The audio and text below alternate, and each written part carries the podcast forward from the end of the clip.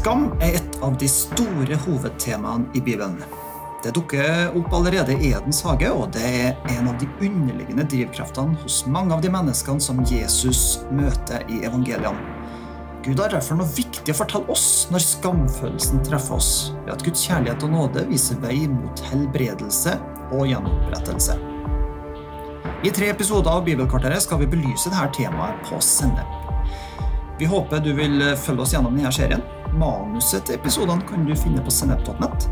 Og legg gjerne igjen en kommentar til oss, eller send oss gjerne en feedback på Instagram-kontoen vår. Vi ønsker deg en god lytting. Episode 1 I begynnelsen var skammen. Har du sett Game of Thrones? Mange regner denne serien som en av de største seriene som er laga for TV, og personlig er jeg en stor fan av serien. Serien som gikk over åtte sesonger, inneholder mange monumentale scener. Og det er spesielt én dramatisk scene som aktualiserer det her med skam, som er temaet for Bibelkvarteret. I femte sesong så blir dronning Cersei pågrepet og dømt for utroskap. Hun blir derfor dømt av det fundamentalistiske presteskapet om å gå naken og skamslått gjennom gatene i byen Kings Landing. Gatene er fulle av byens innbyggere og det ropes taktfast shame, shame, shame, mens dronninga ydmykes mens hun går avkledd gjennom gatene. Skam er jo tema for denne serien, og derfor er det både påfallende og interessant at skuespilleren bak karakteren til dronning Cersei faktisk ikke ønska å gjøre denne scenen sjøl. En stand-in-skuespiller gjorde scenen for henne. Og Årsaken var at eh, hun følte det var for tøft i forhold til hennes egne følelser og hennes egne intimgrenser. Det å gå naken rundt i byen det ble rett og slett for mye for henne. Og Dette er et illustrerende eksempel på skammens dobbelthet. På den ene sida er skam noe negativt som en kan påføre andre. Men på den andre sida er en sunn skamfølelse noe som hjelper oss til å unngå situasjoner vi helst ikke vil havne i. Sånn som i denne skuespillerens tilfelle, å gå naken og avkledd mens mange fremmede mennesker ser på det.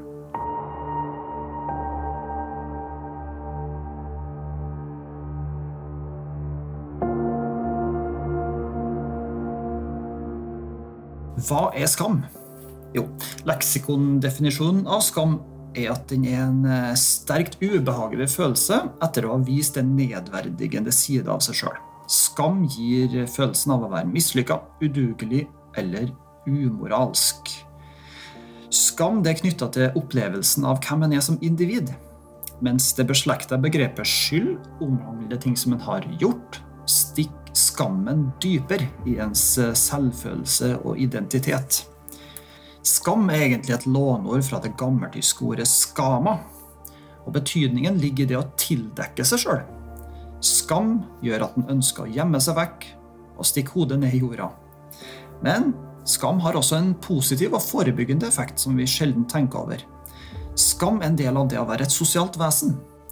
Bevisstheten rundt en sunn skamfølelse fungerer som et slags kompass som hjelper oss til å styre unna handlinger som kan være til skade for forholdet vårt til det sosiale fellesskapet vi er en del av. Og du har garantert vært borti mange sånne situasjoner. Flauheten over å glemme å reise seg på trikken for eldre eller gravide. Ambivalensen ved å servere en hvit løgn for å slippe å ødelegge stemninga.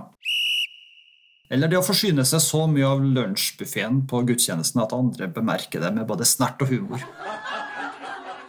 Eller så vil jo selvfølgelig skammen over å bli tatt på fersken i å stjele eller å være utro mot ektefellen sin gjør at en eh, unngår å handle på det begjæret og de fristelsene og de instinktene som en kanskje føler på.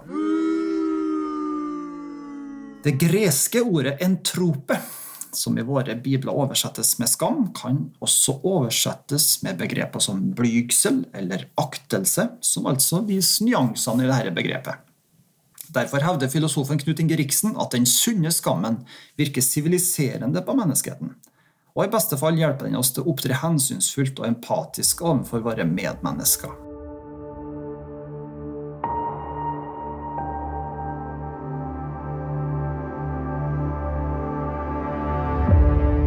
Skam er altså en sentral del av det å være menneske, og derfor er det et tema som dukker opp i hele Bibelen. Det omtales faktisk svært tidlig i Bibelen, allerede i første Mosebok, kapittel 2.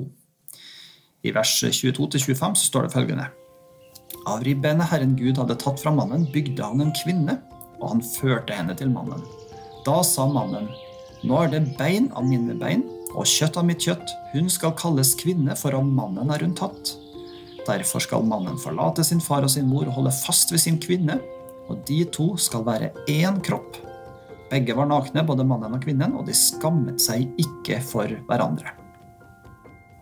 Her kjenner vi igjen definisjonen av skam, at det handler om å dekke seg til og skjule seg for den andre.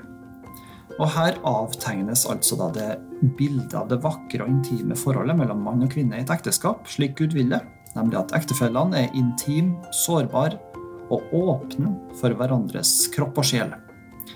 Her ser vi altså forbildet av både et kristent ekteskap og av forholdet mellom Gud og mennesker, nemlig et forhold prega av trofast kjærlighet, nærhet og intimitet hvor vi er strippa for alle masker, fasader eller identitetsmarkører.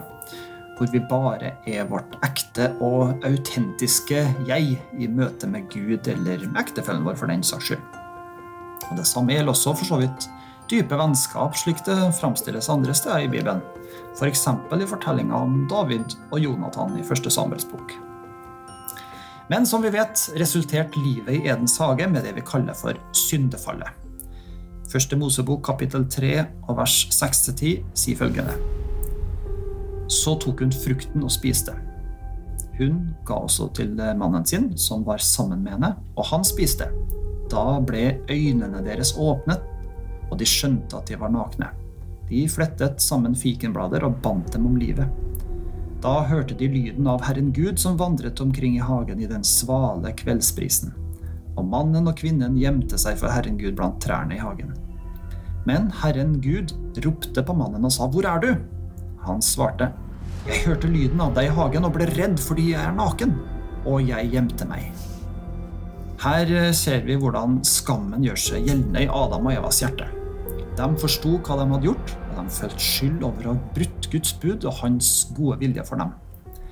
Men i tillegg kom skamfølelsen over dem, når vi bare føler skyld over noe, så vil vi som regel føle et behov for å gjøre opp for oss, slik at vi kan fortsette livene våre videre. Sånn sett er jo skyldfølelse en mer konstruktiv følelse, fordi den kan motivere oss til å gjøre det godt igjen, uten at det rammer sjølbildet vårt. Men det var ikke bare skyldfølelse som var tilfellet hos Adam og Eva. Noe var endra i deres eh, sjølbilde. Deres forhold til Gud var ikke det samme lenger. Skammen hadde slått rot i dem. De følte for å gjemme seg for Gud, sånn at han ikke kunne finne dem. Skammen drev dem til å skjule seg for Gud fordi de følte seg naken og avkledd og skamfulle overfor Gud og hans hellighet. Det er for øvrig en nærmest identisk reaksjon Peter får når han møter Jesus for første gang. Han sier jo 'Gå fra meg, Herre, for jeg er en syndig mann'. Eller når Jesaja ser Herrens trone i tempelet og føler seg for uverdig til å være der. Skam er òg en opplevelse av uverdighet som får oss til å trekke oss unna Gud og holde Han på behørig avstand.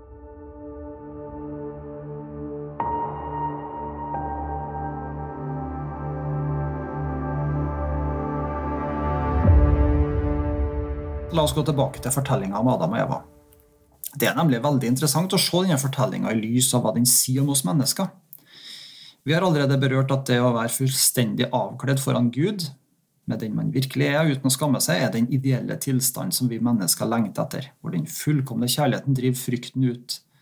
Men når vi kommer til vers 7 i fortellinga om Adam og Eva, står det at de spiste av frukten, og da ble øynene deres åpna, og de skjønte at de var naken. Det som er interessant i Bibelen, er at det å spise ser ut til å være noe mer enn bare å bli mett. Å spise i bibelsk forstand er utløsende for velsignelse eller forbannelse. Det fungerer altså som en slags katalysator for det Gud vil gjøre, for å bruke et litt forenkla bilde. Eksempelvis å ta del i nattverden, sakramentet hvor vi får Jesu blod og Jesu kropp, er jo forbundet velsignelse. Johannes påpeker i sitt evangelium at Satan for inn i Judas når han tok del i nattverden. Altså, hva du fyller det med, Det du spiser, det påvirker det. Og I skapelsesfortellinga står det at øynene deres ble åpna når de spiste av frukten. At ens øyne blir åpna, omtales jo vanligvis i positive ordelag i Bibelen, mens det å være forblinda er negativt. F.eks. når vi ber om at Den hellige ånd skal åpne våre øyne, sånn at vi kan se håpet, arven og kraften som vi har i Kristus. Men det er en stor forskjell her. Når Den hellige ånd åpner øynene våre, er det for å vise oss hvem vi er i Kristus. Men når øynene til Adam og Eva ble åpna etter at de spiste av frukten, var det bare seg sjøl de så i et nytt lys.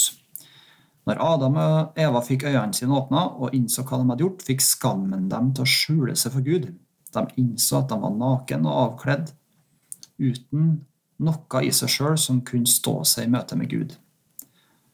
Derfor ville de ikke være i nærheten av ham, fordi skammen gjorde det ubehagelig for dem. Derfor bandt de fikenblad rundt livet og gjemte seg blant trærne i hagen. Og så kom jo Gud. Først ropte Gud på Adam og spurte, 'Hvor er du?' Adam var ærlig og svarte at han var redd fordi han var naken og gjemte seg. Men legg her merke til hvordan Gud svarer. For Gud har jo tilsynelatende ikke noe problemer med at Adam er naken. Skamfølelsen over nakenheten var jo åpenbart et problem for Adam og Eva, men Gud hadde jo i utgangspunktet ikke noe problemer med nakenheten. Hans trofaste kjærlighet for Adam og Eva hadde jo ikke endra seg. Men spørsmålet Gud stiller, er hvem har fortalt deg at du er naken? For det var jo ingen som hadde fortalt Adam at han var naken. Slangen hadde jo ikke sagt noe om det heller. Adam og Eva hadde gjort den oppdagelsen sjøl, og derfor så dekka de seg til med fikenbladet. Fortellingen illustrerer derfor et av menneskehetens mest grunnleggende problemer, nemlig å lytte til de indre stemmene av skam og sjølfokus og fordømmelse, i stedet for å lytte til Gud og det Han sier over våre liv. De stemmene som får oss til å trekke oss unna Gud og gjemme oss for Han, mens Han har jo aldri ønska å skyve oss vekk fra seg sjøl. De stemmene som ikke bare Adam og Eva erfarte, men som også vi kan erfare i våre liv i dag og som gjør at vi trenger å virkelig lytte til det evangeliet har å fortelle oss om det her.